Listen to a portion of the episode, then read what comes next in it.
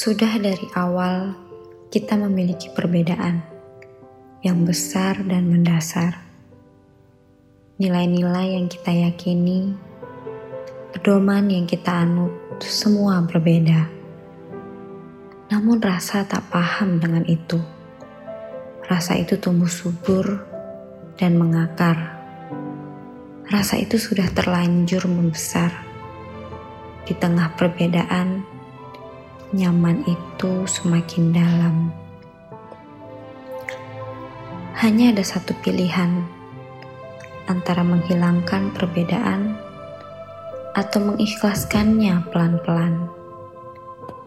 Kita berada dalam kondisi yang sulit, tapi merelakanmu dengan yang lain sungguh membuat sakit. Kau pikir baik-baik saja saat ada sosok lain yang kamu nyaman dengannya.